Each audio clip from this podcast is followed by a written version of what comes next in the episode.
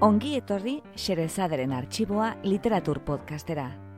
Podcast hau egiten dugu Jason Elarrinagak eta Ana Moralesek Bilbo Iria Irratiko estudioan. Guk bezala, zuk ere uste baduzu munduan gauza gutxi direla, hain atseginak nola ipuinon bat patxada zentzutea, gera zaitez gurekin. Eta prestatu munduko kontakizunik bikainenak euskaraz entzuteko.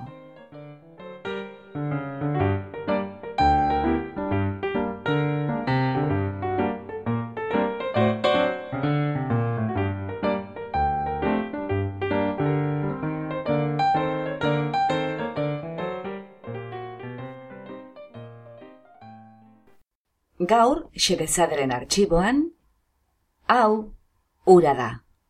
Egilea, David Foster Wallace. Itzultzailea, Danele Sarri Ugarte. David Foster Wallace, mila bedatzeun eta irurogeta bian jaio zen Amerikako estatu batuetan, eta bi mila eta sortzian hiltzen. Sormen idazketako irakaslea izan zen, eta nobelak, ipuinak eta saiakerak idatzi zituen. Bere libururik ezagunena, Infinite Jest novela dugu. Mila horretik gorako artelan miragarri bat. Arrigarria forman eta edukian. Non hizkuntzaren virtuosismo jostariaren bidez, eraikuntza komplexu eta delikatuaren bitartez, eta umorea erabiliz, begi aurrean jartzen dizkigun, hogegarren mendearen amaierako gizarte estatu batuarraren eta haren antzeko gizarteen gabezia espiritual eta afektiboak, eta horrek eragindako sufrimendua hasteko erabiltzen diren askotariko narkotikoak eta horren eraginak, drogenak, alkolarenak, telebistarenak. Bakardadeari eta adikzioei buruzko liburu mugarri bat. Oraindik tamalez euskaraz ez daukaguna. Badaukaguna eta orain dela gutxi labetik irtena gainera beste hau da, sekula gehiago egingo ez dudan gauza ustez divertigarri bat. Entzeiu labur eta barrez lertzekoa, luxuzko itxasbidaia baten ahei buruzko erreportaje batetik sortua. Dandene sarri gartek euskeratu du lan hori, bai eta gaurko atalean entzungo dugun testua ere. Hau ura da izenekoa. Testu hau, itzaldi bat da, David Foster Wallacek unibertsitate bateko graduazio ekitaldian emandakoa 2000 eta bostean.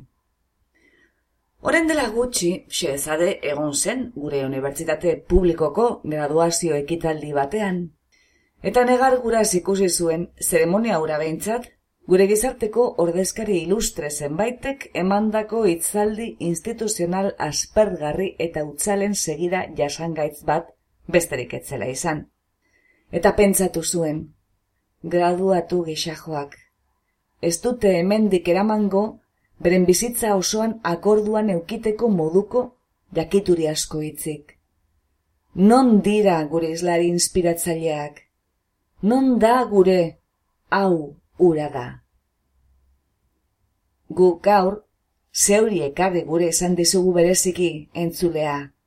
Guk ondo baino beto zaindu nahi zaitulako, eta unena emon beti. Beraz, entzun orain, David Foster Wallaceen, hau ura da itzaldi gogoan garria. Danele Sarriugarteren Euskarazko itzulpenean.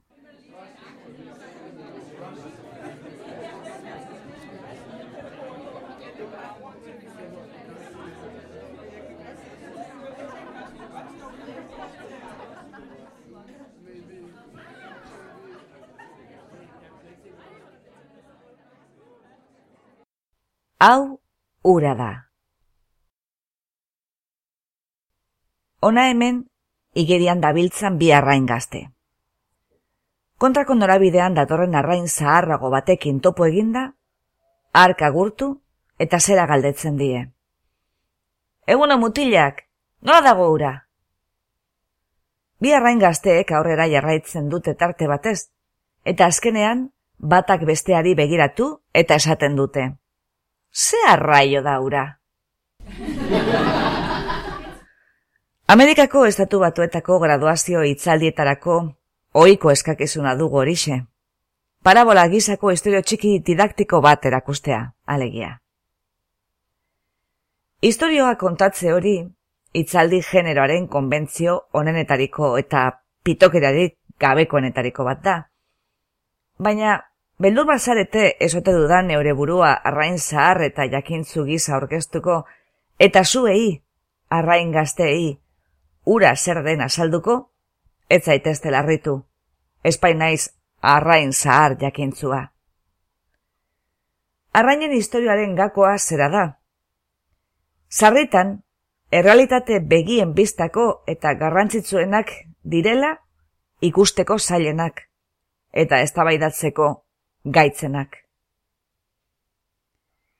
Ingelesezko esaldi baten forman adieraztia hori topiko utzala besterik ez da. Baina kontua da, Elduaroko eguneroko behaztopa harrietan, topiko utzalek hilala biziko garrantzia izan dezaketela. Edo hori iradoki nahi dizuet goiz lehor eta atsegin honetan. Noski, giza honetako itzaldietako eskakizun nagusia betetzeko, zuen ikasketa humanistikoen esan aiaz mintzatu beharko nuke. Azaltzen saiatu beharko nuke laster jasoko duzuen tituloa, ez dela soilik kitapen material bat, baizik eta gizabalioak ere badituela. Beraz, hitz egin dezagun graduazio itzaldien generoan dagoen klixe non nahikoenaren inguruan. Hau da, humanitate ikasketak egitearen helburua ez dela zuen buruak jakindurarekin betetzea, baizik eta pentsatzen irakastea.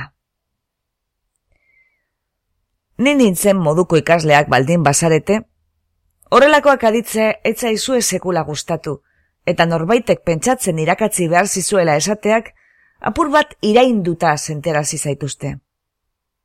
Izan ere, hau bezainona den unibertsitate batean onartua izate utzak, nahikoa beharko luke pentsatzen badakizuela frogatzeko. Baina azalduko dizuet, humanitateen klixea, ez dela inondik inora iraingarria. Zeren eta, onelako toki batean, pentsatzearen inguruan, erdietzi beharko zenituzketen irakaspenak, ez dira ertziki, pentsatzeko gaitasunari buruzkoak. Baizik eta, zertaz pentsatu aukeratzeari buruzkoak.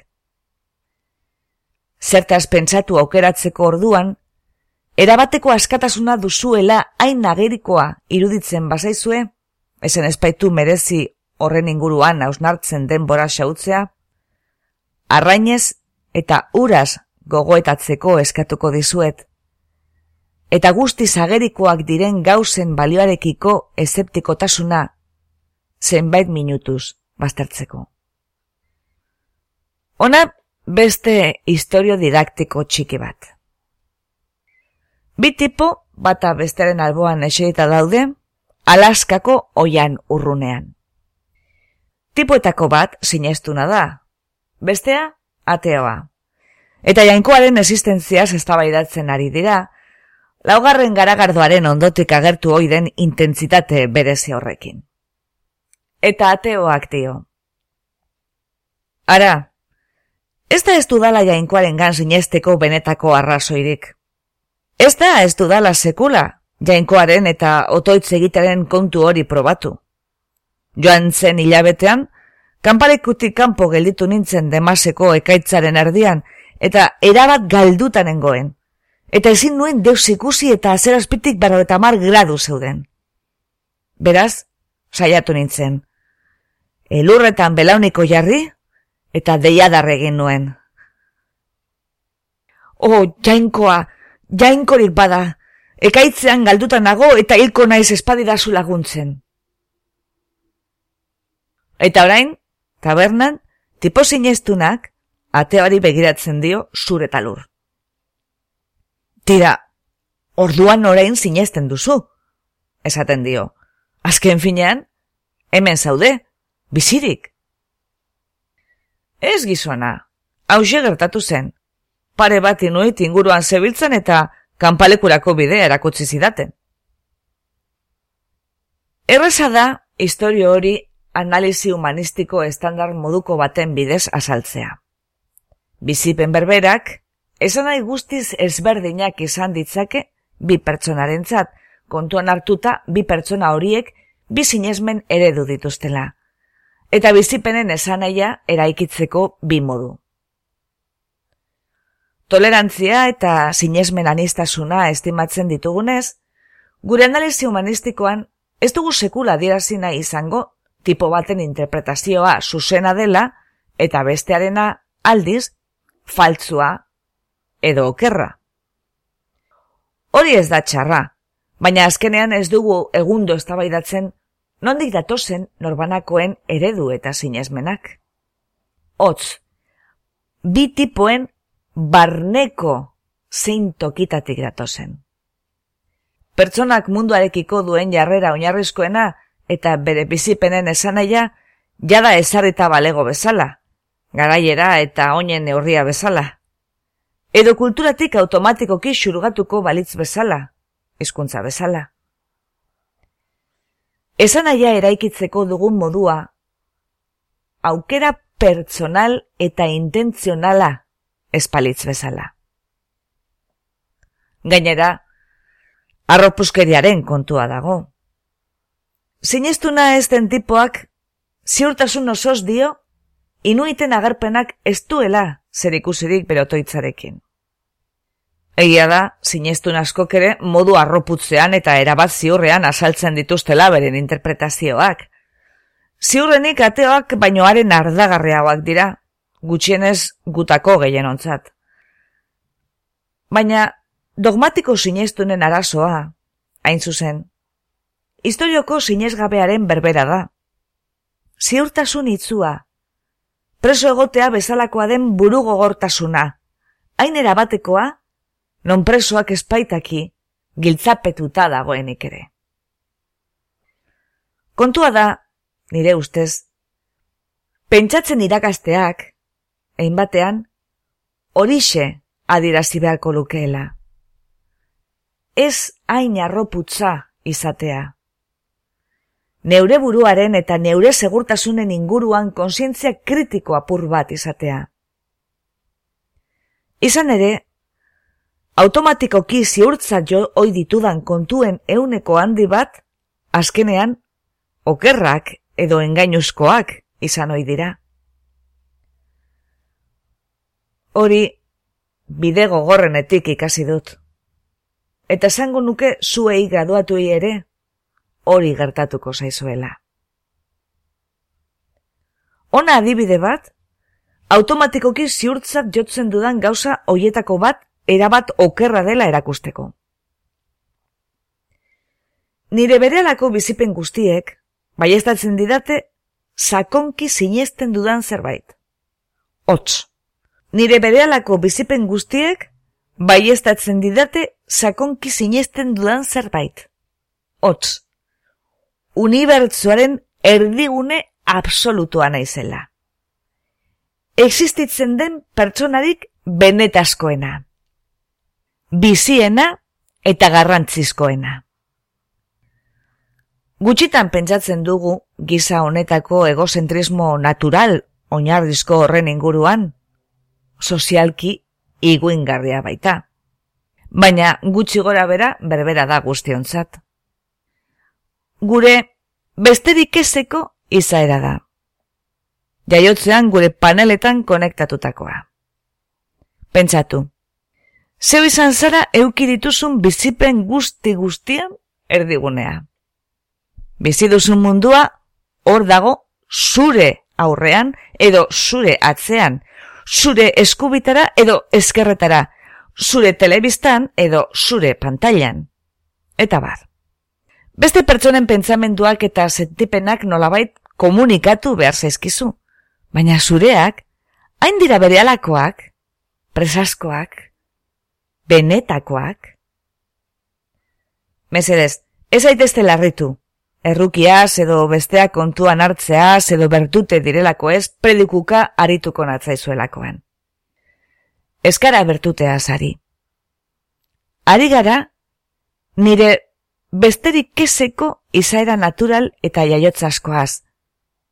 Hots, izaera sakonki eta literalki egozentriko bati buruz. Eta ari gara, erabaki sendo bat hartzeaz. Alegia, nire buruaren lehiarra ez da dila izan, gauza guztiak ikusteko eta interpretatzeko baliabide bakarra. Eta ari gara, helburu horretarako lan egiteaz. Besterik ezeko izaera modu horretan doitu dezaketen pertsonak, sarritan, ondo doituak deitzen dituzte. Zeina nire ustez, espaita besterik gabe hautatutako terminoa. Egoera akademiko arrakastatzu hau kontuan hartuta, ageriko galdera bat da ia gure izaera doitzeko zenbateraino den ezinbestekoa, jakinduria edo adimena. Galdera korapilotzua da. Ziurrenik, eskuntza akademikoaren alderdirik arriskutzuena da, gutxenez nire kasuan, aferak neurriz gaindi intelektualizatzeko dudan joera sustatzen duela – nire buru barneko estabida abstraktuan galtzekoa. Besterik gabe, nire begien aurrean gertatzen ari denari jaramon egin beharrean, nire barnean gertatzen ari denari jaramon egiteko joera. Ziur nago, zuek ere dagoeneko ikasi duzuela, zine zaila dela, erne eta adi irautea, zure buru barneko etengabeko bakarrizketarekin hipnotizatuta egon beharrean baliteke une honetan bertan zuei horixe gertatzea. Neure graduaziotik hogei urte igaro direnean, gutxika ulertuz joan naiz, pentsatzen irakasteari buruzko klixe humanistikoa, egiatan, asko sakonagoa eta serioagoa den ideia bat ulertzeko gakoa dela. Pentsatzen ikasteak egiatan esan nahi du, nola eta zer pentsatzearen gainean kontrol pixka bat izaten ikastea. Zeri jaramon egin aukeratzeko, eta bizipenetatik esan nola eraikiko duzun aukeratzeko konsientzia eta ezagutza nahikoa izatea, esan nahi du. Elduen bizitzan gisa honetako autuak egiteko gai espazara? galduta egongo zara. Pentsatu onako klixe honetaz. Gogamena, zerbitzari aparta da, baina ugazaba terriblea. Klixe horrek, beste hainbat klixek bezala, azalean zinez gaitza eta txepela dirudian arren, zinez egia handi eta terrible bat adirazten du. Ez da inondik ere ustekabekoa, pistola batekin bere buruaz beste egiten duten helduek, ia beti buruan ematen dutela tiro. Ugasaba terriblea tirokatzen dute. Eta ezinuka beren buruaz beste egiten duten horietako asko, jada hilik zeudela, tiroa eman, baino askoz lehenagotik ere. Nire ustez, honako honi buruzkoa izan beharko luke zuen ikasketa humanistikoen benetako eta pitokerarik gabeko balioak. Nola ekidin, zure heldu bizitza eroso, oparo eta respetagarria, hilik ematea. Inkontziente, zeure buruaren eta zeure besterik ezeko izaeraren esklabo. Berdingabeki, osoki, imperialki bakarrik, egunak joan eta egunak etorri. Horrek hiperbole bat iruditu dezake, edo zentzugabekeria abstraktoa. Izan gaitezen konkretuagoak. Egia hutsa da, graduatzekoak zareten azken urteko ikasleek, ez duzuela ideiarik ere, egunak joan eta egunak etorriren benetako esan aiaz. Badira, bizitza heldu estatu batuarraren zenbait zati, oso eta zabalak, ez direnak sekula graduazio itzaldietan aipatzen. Hoietako batek, azperdurarekin, errutinarekin eta frustrazio utzalarekin du zerikusia. Areto honetako guraso eta pertsona zaharragoek ondotxo ulertuko dute zertaz ari naizen. Adibide bat jartzearen. Demagun pertsona heldu baten batez besteko egun batela. Goizean altxatzen zara, zure lanpostu desafiatzaile profesional eta unibertsitate gradudunera soaz, gogor egiten duzu lan sortzi edo amaro erduz, egun amaitzean nekatuta zaude, eta pixka bat estresatuta, eta egin nahi duzun bakarra etxera joatea da, eta ondo faltzea, eta agian ordu betez edo atxeden hartzea, eta gero begiak goiz batzea, noski, biharamunean berriz ere altxatu, eta den dena errepikatu behar duzulako. Baina orduan konturatzen zara, etxean ez daukazula janaririk. Aste horretan ez duzu erosketak egiteko asterik izan, zure lanpostu desafiatzailearen ondorioz. Eta hortaz, orain, lanaren ostean auto hartu eta supermerkatura joan behar duzu. Lanegunaren amaiera da, eta ziurazki trafikoa deabruzkoa izango da.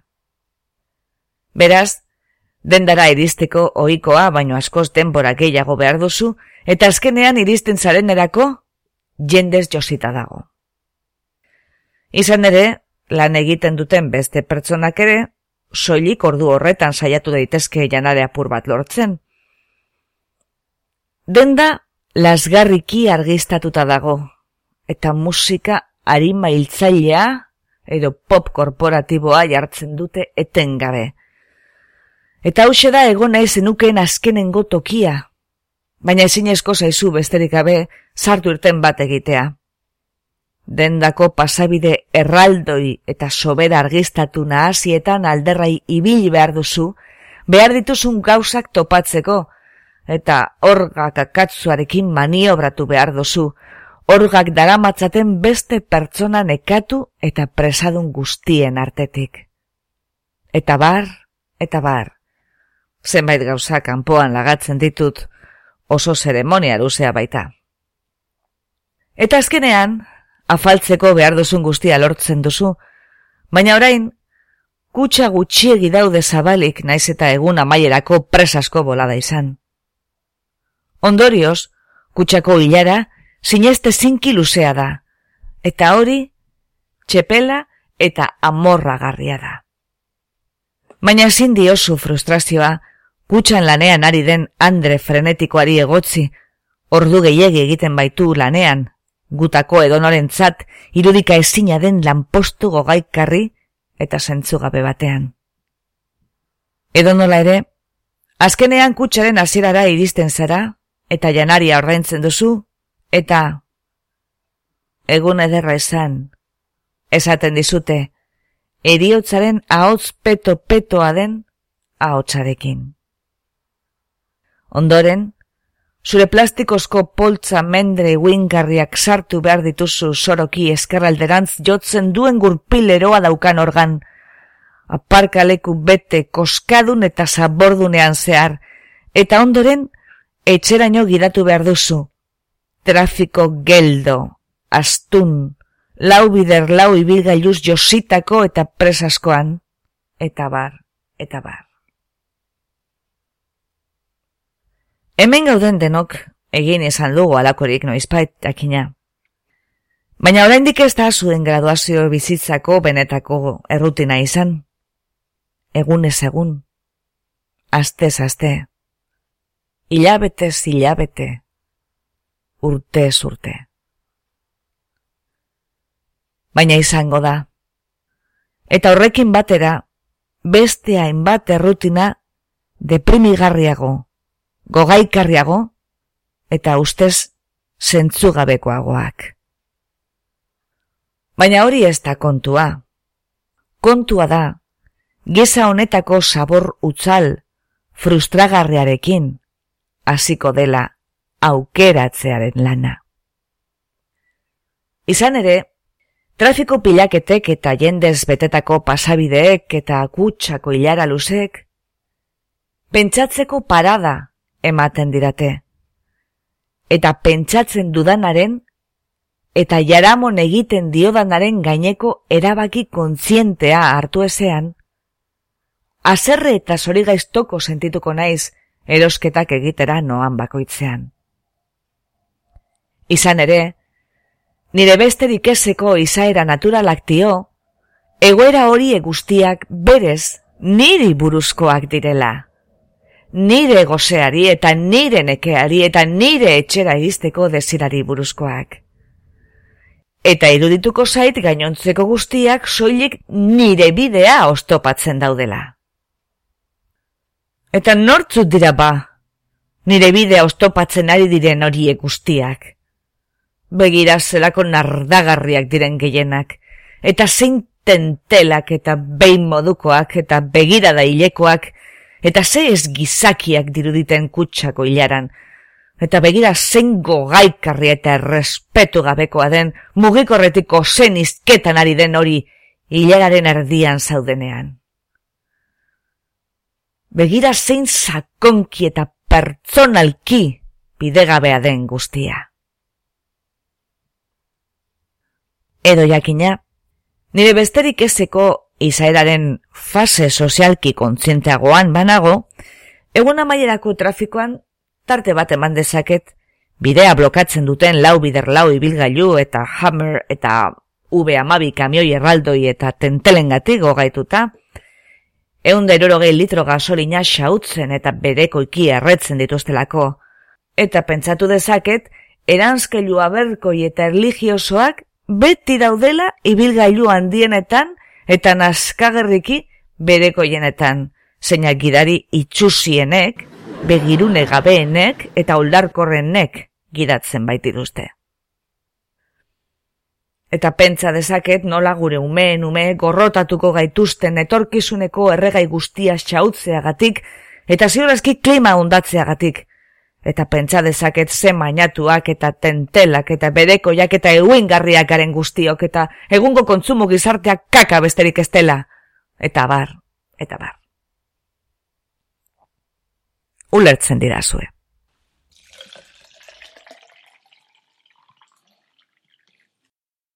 Dendan eta autopistan horrela pentsatzea aukeratzen badut, ondo,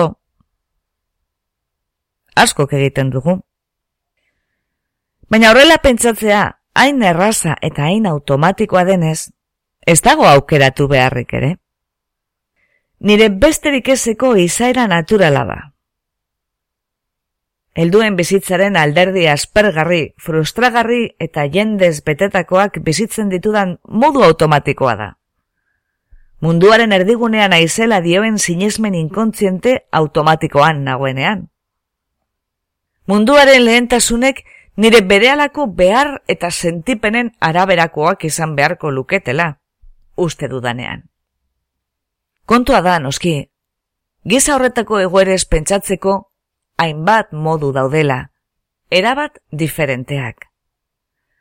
Trafiko honetan, ibilgailu hauek guztiak geldi eta ezer egin gabe nire bidearen erdian daudenean, ez da ezinezkoa lau bider lau ibilgailuetan doazen pertsonetako zenbaitek, noizbait autoistripu ikaragarriren bat bizi izana, eta orain, gidatzeak hainbesterainoko izu laborria sortzen dienez, terapeutak agindu izana, lau bider lau erraldoi astu noietako bat erosteko gidatzean seguru sentiraite zen. Edo aurreratu berri nauen hammer hori, agian gaixo edo minez dagoen aurtso baten aitak gidatzen du, eta umea erietxera eraman nahi du, eta presaka ibiltzeko beraren arrasoia, nirea baino handiagoa, eta zilegiagoa da. Egiatan, ni naiz, beraren bidea, oztopatzen dagoena. Edo nire burua behartu dezaket onako hau kontuan hartzera. Hots, balitekeela, supermerkatuko hilaran dauden beste guztiak ere, ni bezain aspertuta eta frustratuta egotea, eta agian, pertsona hoietako batzuek, nirea baino bizitza gogorragoak, gogaikarriagoak eta mingarriagoak izatea. Berriz ere, ez pentsatu aholku moralak ematen ari natzaizuenik, edota horrela pentsatu behar duzuela esaten nagoenik, edota norbaitek zuek automatikoki horrela ikitea espero duenik. Zaila delako. Gogoa eta alegina eskatzen du, eta ni bezalakoak basarete, batzuetan etzarete gai izango, edo besterik gabe, ez duzue gogorik izango. Baina egun gehienetan, zeure buruari aukera bat emateko bezain kontziente baldin bazara, hilaran bere semeari garrasika egin berri dion Andre Lodi, begirada hileko eta makilatu egiari, modu diferentean begiratzea, aukera dezakezu. Agian, normalean ez da horrelakoa.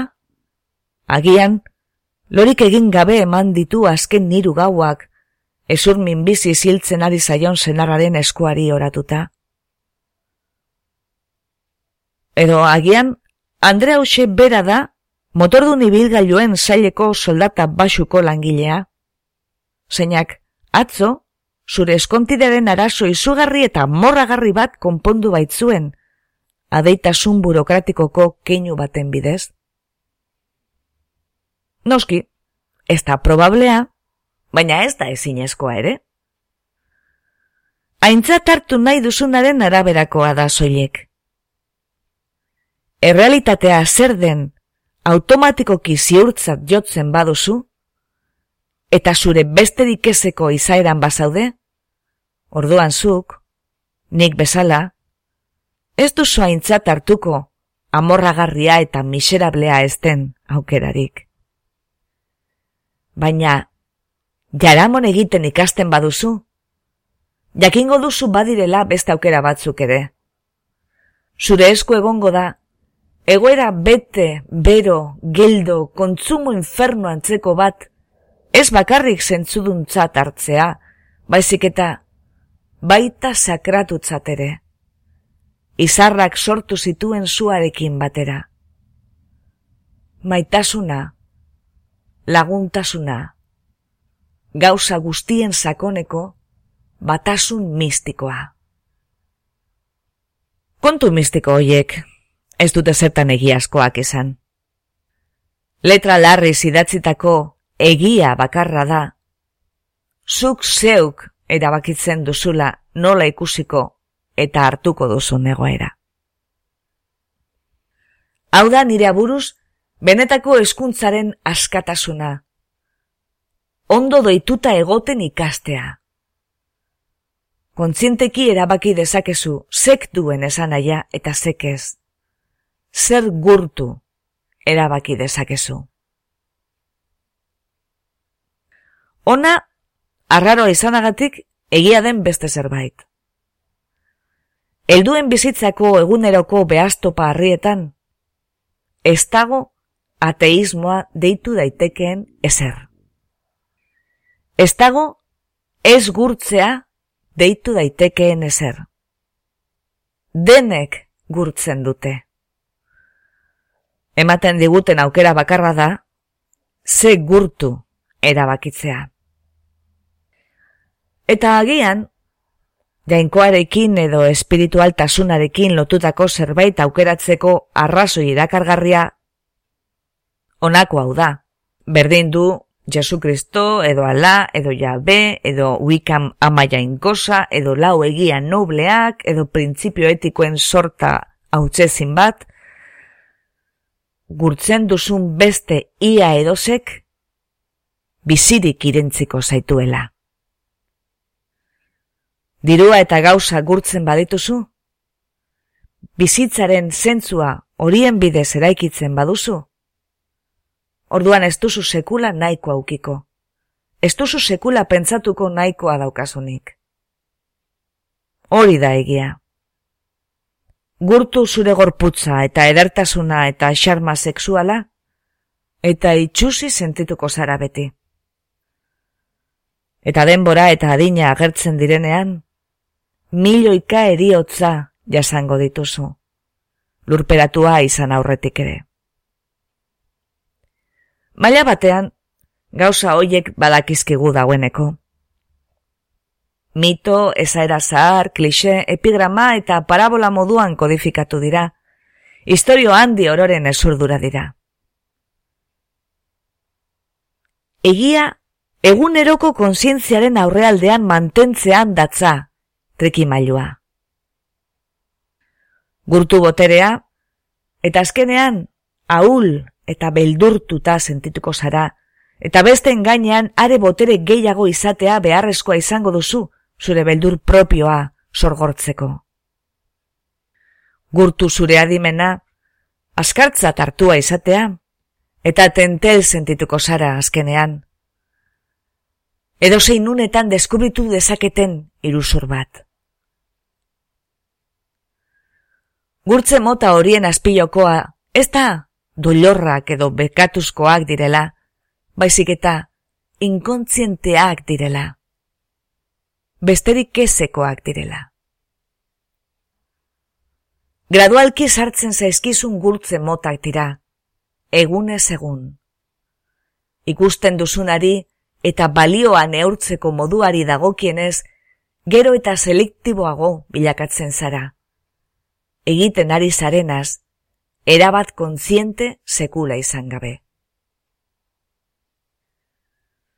Benetako mundu delakoak, ez dizue, zuen besterik ezeko izaerarekin ekiteko gogoak enduko. Izan ere, gizonen eta diruaren eta boterearen benetako mundu delako hori, posik dago, beldurrak eta morruak eta frustrazioak eta egarriak eta norberaren gurtzeak osatzen duten igerilekuan kantari.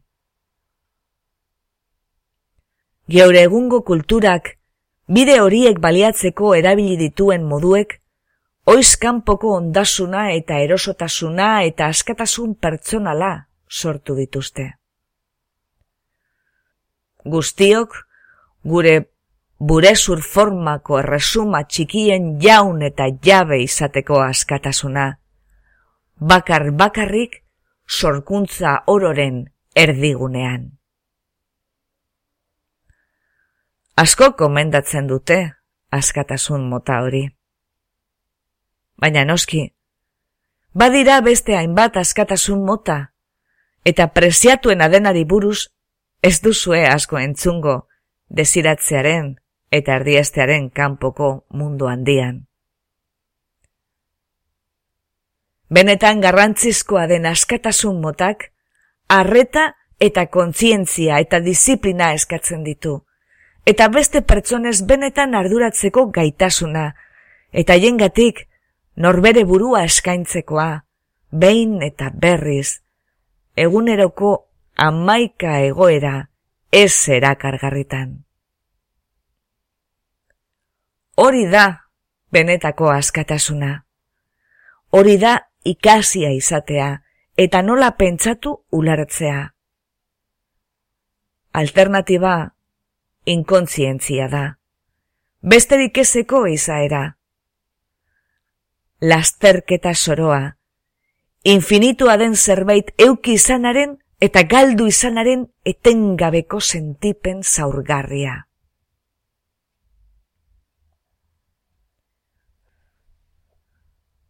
Badakit guzti hau ez dela divertigarria eta freskagarria edo erraldoiki inspiratzailea, graduazio itzaldi batek behar lukeen moduan.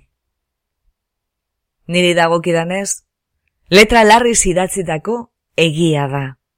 Apaingarri erretoriko saldoaz bilusturik.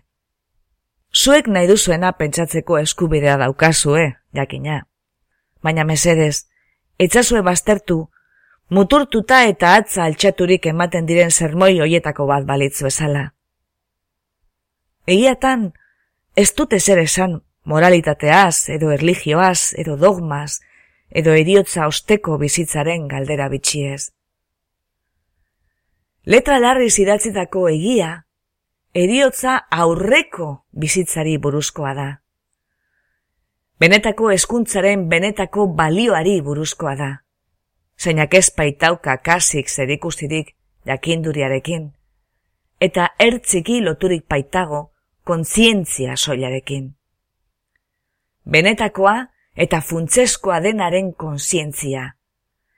Geure begien biztan horren ondo eskutatuta dagoena, esen etengabe errepikatu behar baitiogu geure buruari. Hau, ura da. Hau, ura da. Ezin imaginatuzkoa da hori egitea, kontziente eta bizirik irautea, helduen munduan, egunak joan eta egunak etorri. Hortaz, beste klisea handi bat ere, egia da. Zure eskuntza, bizitza osorako lanbidea da, benetan. Eta noiz hasten da? Orain. Sortea baino askoz gehiago opa dizuet.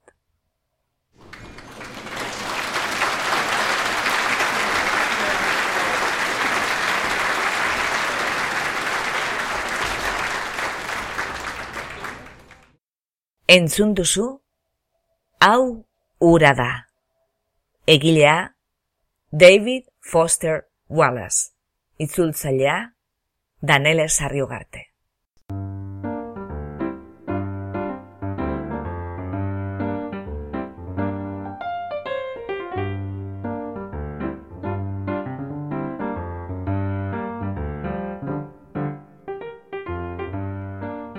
Xerezaderen arxiboko beste atal bat entzun duzu. Gure doinoa da, Charleston Behind the Attic Door, Dance of the Wind taldearena. Besterik adierazi ezean, gure musikak jamendo.cometik hartuak dira, eta soinu efektuak berriz, freesound.cometik ateratakoak. Podcast hau egiten dugu Jason Elarrinagak eta Ana Moralesek Bilbo Iria Errotiko Estudioan, Leioan eta Mungian. Mila esker gurera hurbiltzeagatik. Gustura egon bazara? Erdu urrengo batean ostera ere, xerezaderen arxiboa literatur podcastera. Laster arte!